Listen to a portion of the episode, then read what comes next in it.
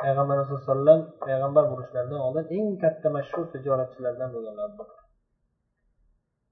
va o'sha boyliklarni hammasini olloh yo'lida sarflaganlar beshta idishda o'qiya degani e, qancha miqdor hozir esimdan chiqib ketdi katta miqdor. Beshta idishda tilla ko'tarib keldilar.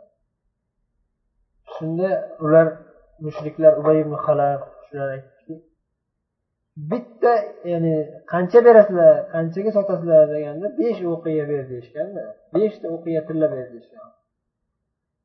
Qimmat narx aytishgan sotib ololmasin deb sotib ololmasin ataylab qimmat narx aytishgan. Shunda beshta o'qiya topshirgan berganda keyin qarashsa qimmat narxga sotilyapti. Abu bakr puli bor. Keyin bilolni obro'si baland bo'lmasin. Kuchli obro'li e'tiborli ekan bu deb hurmatli qolmasin bilol. Qul bu pastga urish kerak buni yana ham. Deb turib keyin abu bakrni yana bir bir jihatdan ikkinchi jihatdan abu bakrni ichidan kuydirish. Kuydirish masalan tasavvur qilsangiz ellik ming dollarga bitta moshina olsangizda e buni narxi bir ming dollar u narxi. Jinni ellik ming dollarga olsangiz odam ichi kuyadiku qirq to'qqiz ming dollar zarar ko'rdim deydi. Ichi kuyadi. Abu bakrni ichlarini kuydirish uchun beshta qop tilla emas bitta o'qiya bitta idishdagi tilla ham yetardi. Shu bitta ya beshta ko'p bitta tilla bitta idishdagi bitta o'qiya tilla bo'lsa ham beraverardik.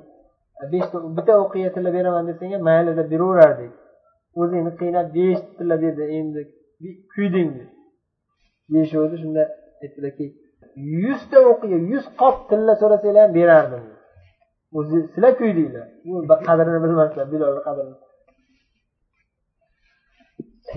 Yana imom ibn al javziy rahimaulloh aytyaptilar siyaqu jumalin min fadoilihi va manaqibihi roziyallohu anhu abu bakr siddiq roziyallohu anhuni e, fazoil fazilatlaridan manoqiblaridan ulug' e, darajalari haqidagi e, rivoyatlaridan bir to'plam rivoyatlarni keltiramiz deyaptilar ذكر أهل العلم بالتواريخ والسير أن أبا بكر رضي الله عنه شهد مع رسول الله صلى الله عليه وسلم بدرا وجميع المشاهد ولم يفته منها مشهد وثبت مع رسول الله صلى الله عليه وسلم يوم أحد حين انهزم, حين انهزم الناس. حين انهزم الناس. ودفع إليه رسول الله صلى الله عليه وسلم رايته العظمى يوم تبوك. وإنه كان يملك يوم أسلم أربعين ألف درهم فكان يعتق منها ويقوي المسلمين. وهو أول من جمع القرآن وتنزه عن شرب المسكر في الجاهلية والإسلام. وهو أول من قاء تحرجا من الشبهات. تاريخ وسيرة بويجا متخصص أهل الإلمنار ولمولار ذكر قل شادكي أبو بكر رضي الله عنه رسول الله صلى الله عليه وسلم بلان برجة بدر غزاتي بدر غزاتي بلان برجة برجة غزوات لردقة نشكلنا biron bir mashhad payg'ambarimiz bilan birga bo'lgan biron bir voqea qolib ketmagan. Hammasida qatnashganlar. Rasululloh sollallohu alayhi vasallam bilan birga uhud kuni uhud g'azotida odamlar qochib ketganda birga turib sobit qadam turganlar. Abu bakr roziyallohu anhu. Ko'pchilik urush qattiq vahimali bo'lib ketganda holatda qo'rqib o'zlarini e, yo'qotib qo'yishib qochib ketib qolishadi. Lekin sobiq qadam turib berganlar ichida abu bakr roziyallohu anhu jismlari kichkina bo'lishiga qaramasdan haligi aytganimizdek oroq ozg'in bo'lishiga qaramasdan juda ham shijoatli edilar. Tabuk g'azotida eng katta bayrog'ni rasululloh sallallohu alayhi vasallam abu bakrga topshirganlar. Yana ulamolar e, aytishadiki abu bakr roziyallohu anhu islomga kirganlarida qirq ming dirham pullari bo'lgan qirq ming dirham pullari bo'lgan. Endi bir dirhamga hech bo'lmasa bitta qo'y berardida. Ana shu dirhamlardan musulmonlarni baquvvat qilish uchun kuchlab kuch quvvatli qilish uchun musulmonlarga yordam berib har kuni har doim e, xayr ehson qilib borardilar. Abu bakr roziyallohu anhu birinchi bo'lib birinchi bo'lib jam qilgan qur'onni jamlagan abu bakr bo'ladi. Ya'ni payg'ambar sallallohu alayhi vasallam vafot qilganlarida qur'oni karim terilarga yozilgan shoh e, taxtalarga yozilgan qog'oz topilgan kamdan kam paytlar qog'oz juda kam bo'lgan ba'zilar qog'ozga yozilgan ba'zilar teriga yozilgan. Shunaqa yozilgan bo'lganu lekin sahobalar hammalari qo'llaridan kelgancha uyda saqlashardi. Hammasi bitta joyga to'planmagan ozginasi u sahobiyda ozginasi bu sahobiyda qur'oni karim mukammal to'plangan biron bir nusxa bo'lmagan. Abu bakr roziyallohu anhu to'plab bitta nusxaga jam qilganlar. Hammasini to'plab bitta nusxaga yozib qur'onni jam qilganlar. U bunga sabab payg'ambarimiz sallallohu alayhi vasallam va abu bakrni birinchi xalifalik yillarida qorilar ko'p bo'lgan. Qur'onni mukammal yodlaganlar yuzlab bo'lgan. Sahobalarni ichida yuzlab sahobiylar qori mukammal qur'on yodlagan bo'lishgan. Shuning uchun qur'onni hammasini bir joyga to'plashga zarurat bo'lmagan. Qur'on yodlaydiganlar sahobiylardan bevosita dars olib yodlashardi. Chunki aksariyatlari o'zi yozish chizish ham bilishmagan shuni ustozdan eshitib yodlashardi qur'onni. Keyin abu bakr roziyallohu anhu hurubir riddada e, murtadlarga qarshi bo'lgan g'azovatlarda ko'p qorilar shahid bo'lib ketishadi. Shunda bor hozir qorilar borligida qur'onni to'plab olaylik. Qur'onni mukammal yodlagan qorilar shahid bo'lib ketyapti borgan sabab. Shular ketib qolishidan oldin qur'onni to'plab bitta nusxani mukammal hech bo'lmasa to'plab alohida davlat o'zi saqlaydigan bo'lishi kerak degan fikr keladida shuni to'plashadi jam qilishadi. Abu bakr roziyallohu anhu boshchilarida abu bakr roziyallohu anhu aql fitratlari salomatligidan johiliyatda ham mast qiluvchi ichimliklardan poklanganlar ya'ni o'zlarini pok tutganlar. O'zlarini baland mast qiluvchi ichimlik ichmaganlar. Qanday qilib? Qaysi ahmoq o'zini kallasini miyasini ketkazadi mast odam mast bo'lganda nimalar qilmaydi? Oddiy aql bilan qaraganda ham mast qilib ichimlikdan odam poklanadi o'zini olib qochadi. Johiliyatda ham islomda ham islomni bosh birinchi islom kelganda mast qiluvchi ichimlik harom qilinmaganku. Odamlar o'rganib qolgan johiliyatga yaqin bo'lgan mast qiluvchi ichimlik ichmanglar desa iymoni kuchli bo'lmagan bo'lmasdan turib odamlar taqvo qilolmaydi iymoni kuchli bo'lgandan keyin mustahkam bo'lishgandan keyin madinada mast qilish keyin harom qilingan. Bir daraja ikki darajadan o'tgandan keyin birinchi ichmanglar ichmaslik afzal degan keyin namoz vaqti ichish harom qilingan keyin mutlaqo harom qilingan. Abu bakr roziyallohu anhu bo'lsa umuman johiliyatda ham ichmaganlar halol bo'lgan paytlari ham ichmaganlar. Yana bu yerda zikr qilinmagan fazilatlaridan johiliyatda ham umuman butga sig'inmagan odamlardan.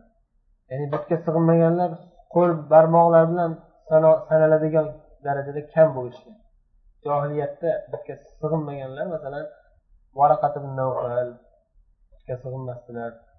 Said ibn zayd dadalari zayd ibn hattob bitga sig'inmaganlar. Umayyat ibn abi solt bitga sig'inmagan. Yana bir qancha oltitami yettita bitga sig'inmaganlar bo'lgan. Shu jumladan birinchi o'rinda payg'ambarimiz muhammad sallallohu alayhi vasallam ham umuman butga sig'inmaganlar.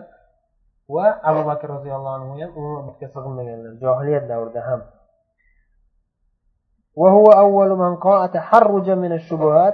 Shubhali narsalardan taqvo qilib birinchi bo'lib o'zlarini majburlab qayd qilgan sahobiy abu bakr. Qachon bo'lgan bu? Xizmatchilaridan biri bir sut olib keladi. Sut olib kelganda o'zi har doim yeydigan ichadigan narsalarni yaxshilab halol haromligini shubhali emasmini tekshirib qattiq taqvo qilib tekshirib ichardilar yerdilar. Shu safar o'zlari xizmatchilar olib kelgan narsani so'ramasdan ichardilar shunda keyin o'zi so'rab qolasiz so'rardingizu nega o'sha so'ramadingiz? deb qoladi. Shunda keyin esimdan chiqib qolibdi qayerdan topuvding sutni? Qayerdan olib kelyapsan endi sut o'zi halol narsa o'zi u sut pulini qayerdan topgan o'sha sut pulini johiliyatda islom kirishidan oldin bir odam ba'zi bir odamlarga folbinlik folbinlik qilgan bir narsasi yo'qolib qolgan ekan bilasanmi san jinlar bilan gaplashishi jinlar bilan gaplashib qayerga yo'qolib qolgan topib bergin deyishganda o'zimcha folbinlik qilib ularga o'zi qobilligini bilmasdim. Folbinlik qilib shuni muqobiliga evaziga pul topgandim o'sha puldan qolganini shundan ishlatdim. Shunga sotib olib olib keldim. Endi ichib bo'lganlar ichib bo'lgandan keyin o'zi asli halol narsadan sut o'zi halol. U johiliyatdagi narsa johiliyatda bo'lib ketgan narsa islomga kirilgandan keyin o'zi e, islom johiliyatdagi gunohlarni kechirib yuboradi o'chirib tashlaydi. Bu jihatlardan o'zi alhamdulillah abu bakr roziyallohu anhu hatto shubha ham emas o'zi. Halol bo'lgandan keyin. Lekin baribir asli tagi harom narsadan ekan deb turib o'zlari majburlab qaytib yana abu bakr roziyallohu anhuni fazilatlaridan o'nta jannatga bashorat berilgan sahobiylardan beshtasi abu bakrni qo'llarida islom kirgan. Abu bakr da'vat qilib islomga olib kirganlar ya'ni payg'ambar sallallohu alayhi vasallam birinchi bo'lib payg'ambar bo'lib kelganlarda abu bakr da'vat qilganlar. Abu bakr roziyallohu anhu o'zlari tabiiy ravishda borib u haq dinni hammaga yetkazishimiz kerak o'zlari da'vatchi bo'lib ketadilar borib o'zlarini o'rtoqlarini to'plab islomga da'vat qiladilar shulardan beshtasi jannatli sahobiylar bo'lib ketishgan. Usmon roziyallohu anhu birinchi usmon roziyallohu anhu abu bakr roziyallohu anhuni da'vatlari bilan islom kirib keyin payg'ambarimiz oldilariga kirib kelib keyin payg'ambarga bayat beradilar tolhat ibn ubaydulloh tolha roziyallohu anhu bu kishi ham o'nta jannatiylardan. Bu kishi ham abu bakr da'vatlari bilan islom kiradilar. Zubayr ibn al avvom ham abu bakrni da'vatlari bilan islom kiradilar. Sad ibn abi vaqqos bu kishi ham o'nta jannatiylardan abu bakrni da'vatlari bilan islom kiradilar. Abdurahmon ibn avf ham u kishi ham abu bakrni da'vatlari shu eng buyuk sahobiylar abu bakrni da'vatlari bilan islomga kirishgan. Ulardan tashqari yana qanchadan qancha sahobiylar ham abu bakrni da'vatlari bilan islomga kirishgan. Shularni hammalarini ajr savoblari demak abu bakrga abu bakr kimni da'vati bilan islomga kirganlar? Payg'ambarimiz sallallohu alayhi vasallam da'vati bilan. Hammalarini savobidan nusxasi abu bakr va abu bakrniki ham va boshqa hamma sahobiylarniki ham payg'ambarimizga borib turadi va butun islom ummatini payg'ambarimizdan tortib qiyomatgacha bo'lgan butun million million balki milliard milliard musulmonlarni ajr savobidan nusxasi payg'ambarimiz muhammad sallallohu alayhi vasallamga ham borib turadi أبو سعيد الخدري رضي الله عنه خطب رسول الله صلى الله عليه وسلم الناس فقال إن الله عز وجل خير عبدا بين الدنيا وبين ما عنده فاختار ذلك العبد ما عنده. فبكى أبو بكر رحمة الله عليه. فعجبنا من بكائه. رسول الله صلى الله عليه وسلم خطبة قلنا آخر كل رزايا آخر يله odamlarga xutba qilib rasululloh alayhi aytdilarki alloh taolo bandalaridan bir bandasini dunyo bilan o'zining huzuridagi narsa o'rtasida ixtiyorini berdi o'ziga. Ya'ni ey bandam dunyoni tanlaysanmi yo meni oldimga kelishni xohlaysanmi mening eng yaqin do'stim bo'lib oldimga kelishni xohlaysanmi deb ixtiyor berdi.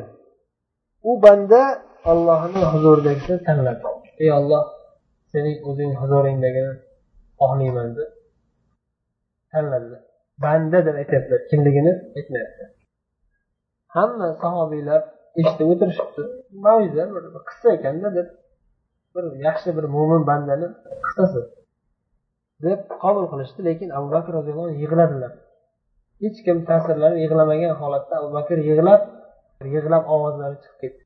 Shunda biz hayron bo'ldik dedi abu bu kishi nima uchun? Qattiq ta'sirlanib yig'layapti. Hada shayx bu amaki. Rivoyatda keladi. Bu shayx bu amaki nima uchun yig'layapti? Hayron bo'ldik. Payg'ambar alayhi vasallam payg'ambar alayhi vasallam abu bakrni yig'laganliklarini ko'rib abu bakrdan boshqa hech kim tushunmaganini bildilar o'zi abu bakr eng katta ulamo eng buyuk ham aql zakovatlari eng chuqur eng hikmatli sahobiy bo'lganlar. Boshqalarga hammalar ulamo sahobiylar lekin abu bakr eng kuchli eng chuqur tushunadigan buyuk sahobiy bo'lganlar. Shunday haligi qog'ozga o'rab gapirilgan gaplarni ham maqsadlari nimaligini tushunardilar. Bu yerda payg'ambar o'zlarini aytayotganlar. O'zlari haqida gapirayotganlar ya'ni men o'lishim yaqinlar endi o'laman deyaptilarda. Man o'laman desalar hamma sahoba yig'lab yuboradi dodvoy qilib. Endi dodvoy bo'lib qattiq musibat tushib qolib ketibdi deb hamma yig'lab yubormasin deb qo'g'iraveradi sekin sekin sekin tushuntiriladi bu bir odam boshiga musibat tushadigan bo'lsa birdaniga tomdan tarasha tushganday qattiqroq to'g'rilmaydi. Oldindan tayyorlab boriladi musibat kelishiga. Musibat ya'ni uslub hikmat uslublaridan biri. Lekin shuni ko'pchilik tushunmadi. Abu bakr tushunib yig'ladilar. Shuning uchun abu said hudriy aytyaptilarki abu bakrin payg'ambarimiz so'zlariga payg'ambarimizni ilmlariga eng yaxshi biluvchiroq oramizdagi eng ilmli odam abu bakr deyaptilar shuni payg'ambar sallallohu alayhi vasallam abu bakr ta'sirlanib yig'lab musibat kelishini tushundilar bildilar. Payg'ambarimiz vafot qiladilar payg'ambarimizdan quruq qolarkanmiz. Payg'ambarimiz ollohni huzuriga ketarkanlar bizga kim qoladi? Deb haligi firoq ajralishlik alamini sezib yig'layaptilarda. Payg'ambarimiz vafot qilganlarida abu bakr nima uchun sobit qadam turdilar? Hamma dodvoy qilib yig'ladiku biz o'tgan darsda payg'ambarimiz vafotlari haqidagi qissani aytganimizda abu umar ham umar roziyallohu anhu ham o'zlarini yo'qotib qo'ydilar. Lekin abu bakr sobit qadam turib berdilar. Boshga musibat tushib bo'lganda chunki oldindan tayyorlanib bo'lgandilarda bu hadisni eshitib yig'lab ta'sirlanib o'sha musibatni boshga tushishi endi muqarrarligini bilib endi musibat tushgandan keyin nima qilish kerak? Deb tayyorlab reja qo'yib bo'lingan abu bakr tayyorlanib bo'lgandilar o'shaning uchun qattiq payg'ambar vafot qilib bo'lganlaridan keyin musibat qattiq ta'sir qilib ketmadi. Yig'ladilar ta'sirlanib lekin undan oldin o'zi bilib bo'lgandilar vafotlarini bilib bo'lgandilar. Mana mana shu yerda mana shu yerdan bilganlar. Shu yerda yig'layaptilar shuning uchun payg'ambar rahm qilib abu bakrga rahmlari kelib aytdilarki abu bakrga tasalli berib musibat kelishini bilgan tushungan yig'layotgan abu bakr roziyallohu anhuga tasalli berib rasululloh sallallohu alayhi vasallam aytdilarki إن من أمن الناس علي في صحبته وماله أبو بكر.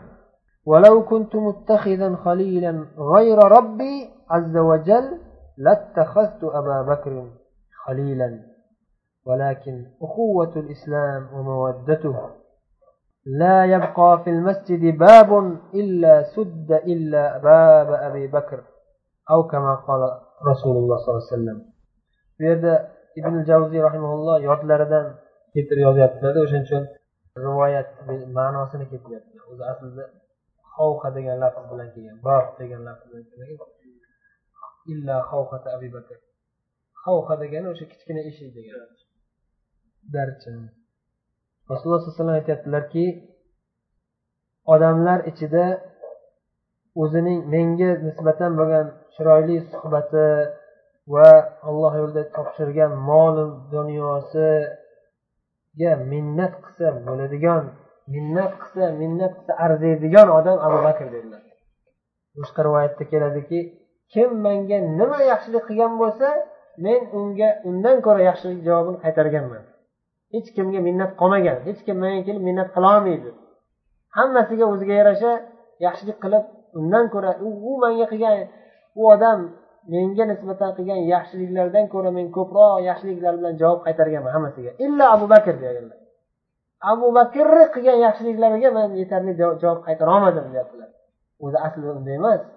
Abu bakr roziyallohu anhu musulmon bo'lishliklariga payg'ambarimiz sababchi bo'lishliklarini o'zi abu bakrni hidoyat topishliklariga payg'ambarimiz sababchi bo'lishlari o'zi yetarli javob sababchi bo'lishlar o'zi yetarli javob. Lekin payg'ambarimiz kamtarlik qilib va abu bakrni fazilatini ko'rsatish uchun aytyaptilarki kim sizlarni ichinglarda qaysi biringlar menga nima yaxshilik qilgan bo'lsanglar o'sha yaxshiliklardan ko'ra man ko'proq javob qaytarganman ko'proq yaxshilik qaytarganman lekin abu bakrga qaytara olmadim. Ya'ni bu ma'naviy jihatdan tashqari moddiy jihat. Kim nima sadaqa bergan bo'lsa o'shandan keyin undan tashqari man boshqa moliyaviy sadaqalarni ham berganman hammanglarga lekin abu bakrga hech narsa berolmaganman. Abu bakr olloh va rasuli deb turib topshiravergan bor mol mulki nima bersa hammasini qaytarib olib kelavergan. Olloh rasuliga olloh rasuli deb turib abu bakr roziyallohu anhu o'zlarini qiynab bo'lsa ham mashaqqatga sabr qilib yashardilar. Hech ham dunyoga berilmasdan. Payg'ambar sallallohu alayhi vasallam davrida juda kambag'allik bo'lgan. Keyin abu bakr davrida faqat urushlar bo'lgan. Ya'ni murtadlarga qarshi urush bo'lgan.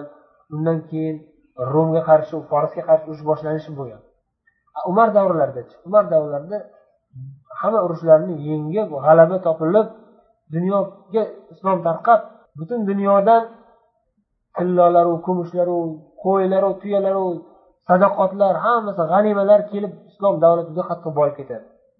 Juda katta boyliklar kelib ketadi. Lekin abu bakr davrlarida ancha kambag'allik bo'lgan. Shunda abu bakr roziyallohu anhu o'zlari xalifa bo'lib turib undan oldin payg'ambar davrlarida payg'ambarni eng yaqin odami eng o'ng qo'llilari bo'lib turib dunyoni umuman xohlashmaganda ozgina mol kelsa ham alloh uchun deb topshiraverishgan boshqalarga beraverishavergan boshqalar yesin shuning uchun payg'ambar sallallohu alayhi vasallam kim nima yaxshilik qilgan bo'lsa biz unga javob qaytarganmiz. Undan ko'ra yaxshilik berganmiz ko'proq. Lekin abu bakrga men yaxshilik qilolmadim. U menga ko'proq yaxshilik qildi deyapti. Agar deyaptilar yana eng katta fazilat abu bakrga eng katta fazilatni quyidagi hadisda aytadilar shu davomida. Agar ollohdan boshqa olloh parvardigorimdan boshqa eng yaqin biron bir do'st do'st tutmoqchi bo'lganimda abu bakr do'st tutardim ya'ni menga eng yaqin do'st parvardigorim. Shunday bir martaba borki do'stlik martabasi. U eng yaqin do'stlik martabasida undan u hech kim hech qanday do'st bo'lmaydi. Bitta odam bo'ladi. Eng yaqin do'stingiz bitta odam bo'ladi. Mana shu do'stlaringizga qarasangiz dunyoda hayotda baribir kimdir sizga eng yaqin bir ishonchli eng haligi sirdoshingiz eng yaqin sirdoshingiz birodaringiz bo'ladi. Hech qachon ikkita odamni bir marotaba bir darajada yaxshi ko'rmaysiz. Baribir ikkita eng yaqin do'stingiz ichida ham qaysidir birini sal ko'proq yaxshi ko'rasiz. Payg'ambarimiz sallallohu alayhi vasallam bilan ibrohim alayhissalom allohga xulla darajasiga yetishgan eng yaqin allohning eng yaqin do'sti ikkita. Bu odamlarni ichida bittaga bitta bo'ladi birga bir bo'ladi. Alloh taolo o'zi xohlagan bandasini o'ziga eng yaqin do'st qilib qo'yaveradi. Alloh taolo bandalarini ichida faqatgina ikkita ikkita odamni o'ziga eng yaqin do'st deb bilgan birinchisi muhammad sallallohu alayhi vasallam ikkinchisi ibrohim alayhissalom. Ibrohim alayhissalom qur'oni karimda aytilgan. Payg'ambar sallallohu alayhi vasallamni allohga halilulloh bo'lganliklari hadisda kelgan lekin ikkovlari ham alloh taoloni eng yaqin do'stlari. Shuning uchun payg'ambar sallallohu alayhi vasallam aytyaptilar bu yerda agar shu alloh taolo meni o'ziga do'st qilib olmaganda eng yaqin do'sti deb tutmaganda men abu bakrni eng yaqin do'sti bo'lardim. Kim kimdir sizga eng yaqin do'st bo'lishi kerak? Olloh bo'ldi meni eng yaqin do'stim. Endi abu bakrni hech qachon albatta alloh taolo bilan tenglashtirmanglar aslo. Allohga eng yaqin do'st bo'ldilar halil bo'ldilar endi u darajaga yaqinlashib bo'lmaydi. Lekin odamlarni ichida eng yaqin do'stlari abu bakr. Halil darajasiga yetmagan lekin habib eng yaqin habib do'stlari suyukli do'stlari abu bakr islom dinidagi birodarchilik va muhabbatimiz yetadi mayli dedilar. Ya'ni islom dinidagi birodarchilik va islom dinidagi islom yo'lidagi muhabbatimiz ichida eng yaqin muhabbatlisi abu bakr lekin undan ortig'i xulla darajasi bu xos daraja. Bu xos. Alloh o'zi tanlagan ikkita halili men va ibrohim. Undan boshqa hech kim e, bu darajaga yetolmaydi. E, shu aytyaptilarda rasululloh sollallohu alayhi vasallam agar odamlardan biron bir halil tutish kerak bo'lganda shu abu bakrni tutardim. Abu bakr halil bo'lardi. Lekin halil xulla darajasi ketdi bo'ldi. Olloh bilan mening oramda xulla darajasi xos boshqalar endi islom va islom yo'lidagi birodarchilik va islom yo'lidagi muhabbatimiz o'sha yetadi. Shuni ichida eng kuchli muhabbati abu bakrga bo'ladi. Shuning uchun yana keyin aytdilarki o'z endi bu hadisni keyingi qismida abu bakrni xalifa bo'lishliklarini ishora qilib aytyaptilar. Ya'ni mendan keyingi xalifa boshliq boshliq rahbar mendan keyingi rahbar abu bakr bo'lishi kerak degan ma'noga ishora qilib aytyaptilarki masjidga qarab turgan eshiklardan masjidga ochiladigan eshiklardan biron biri qolmasin. Hamma eshiklar yopilsin bitta abu bakr eshigi qolsin dedilar. Bu nima degani? Bilasizlar sahobalar davrida kichkina kichkina xonalar bo'lgan uylari yashaydigan uylari kichkina kichkina xonalar bo'lgan hovli yoki ekin bog'lari uzoqda bo'lgan shahar tashqarisida bo'lgan. Masalan ham ko'pchilik sahobiylarni bog'lari mazralari bo'lgan shahar tashqarisida yashaydigan joylari bo'lsa payg'ambar sallallohu alayhi vasallam masjidlarni eshigi yonida o'rtada devor bor. Faqat bo'lsa masjidni yopib turgan uy hammalariniki bitta bitta xona qurib olishgan masjid atrofida. Hammalari o'zlarini uylaridan to'g'ri masjidga kirib ketish uchun eshik ochib olishgan kichkina eshikcha ha oilalar bilan yashashadigan uylari shu. Shuning uchun uylarda tahoratxona ham bo'lmasdi. Sahoba ikromlar davrlarida uyda tahoratxonalar bo'lmasdi. Bir jom bir idishcha bo'lardi. Kechasi o'shanga hojatlarni bajarib ustini yopib qo'yishardi. Kunduzi borib tashqarida baqiyaga qabristonga bir chekkaga o'sha shahar tashqarisiga daraxtlarni tagiga ko'mib kelishadi. Uylarida siyib idishda keyin tashqariga kelishadi. Kunduzi bo'lsa uyga uyda qilishmasdi hojatlarini kunduzi shundoq ham o'shaqa baqiy qabristonga borib hojatlarni bajarib kelishadi. Kechqurun qorong'ida svetlar yo'q qorong'ida yiqilib tushmaslik uchun taqalib tushmaslik uchun uyda bajarishaveradi ba'zilar chiqishaveradi kechqurun bo'lsa ham. Yoki xususan masalan oy to'la kunlari ko'rinadiku qorong'i bo'lsa ham oy nurida sal pal yorug' bo'ladi. O'shanga kechqurun ba'zida chiqishadi. Lekin ko'pincha uylarda hojat bajarishadi. Uylar kichkinaligida kichkina bo'lardi unaqa hojatxona bo'lmasdi uylarda. Shu devordan shunday teshib eshik qilib olishardi masjidga chiqib kirib yurgan. Namoz vaqti shunday chiqishadi. Endi masjidga yaqin turadiganlarnikida bu. Masjidga uzoq turadiganlar endi boshqa holat. Bu yerda payg'ambar alayhi vasallam buyurdilar endi hammanglar eshiginglarni yopinglar. Tashqaridan masjid o'ziga xos eshikdan kirib kelasizlar. Eshiklarni yopinglar. Faqat bitta abu bakrni eshigi qolsin. Abu bakr o'zi shunaqa masjiddan uydan shunaqa to'g'ri masjidga chiqaveradigan. Keyin masjiddan keyin to'g'ri uyga kirib ketaveradigan. Qolganlar hammasi ko'chaga chiqib ko'chadan keyin uyga kiradigan bo'ladi. Bu yerda aytmoqchilarki men o'lganimdan keyin abu bakr qoladi. Abu bakr xalifa bo'ladi. Qolganlar oddiy bir musulmonlar itoat qilish kerak holat bo'lgan oddiy holat bo'ladi ularniki abu bakrga xos holat. Abu bakr endi rahbar ishxonasi shu masjid xalifalarni qasri bo'lmagan ishxonasi bo'lmagan masjiddan turib boshqarilgan. Hamma narsa masjidni markazi madrasalar ham masjid armiya ham masjid mahkama sudlar ham masjid. Hammasi masjiddan turib xalifa masjidda o'tirib boshqaradi shuning uchun masjiddan to'g'ri o'zini xonasiga kirib ketib har doim uyga ko'chaga chiqib keyin unaqa emas. Masjiddan to'g'ri kirib to'g'ri chiqib ketaveradigan xos holat ularga xalifaga. Shu hadislari ham abu bakr xalifa bo'lishi kerakligiga ishora va buni sahobalar tushunishgan. Shuning uchun ixtilof bo'lmagan.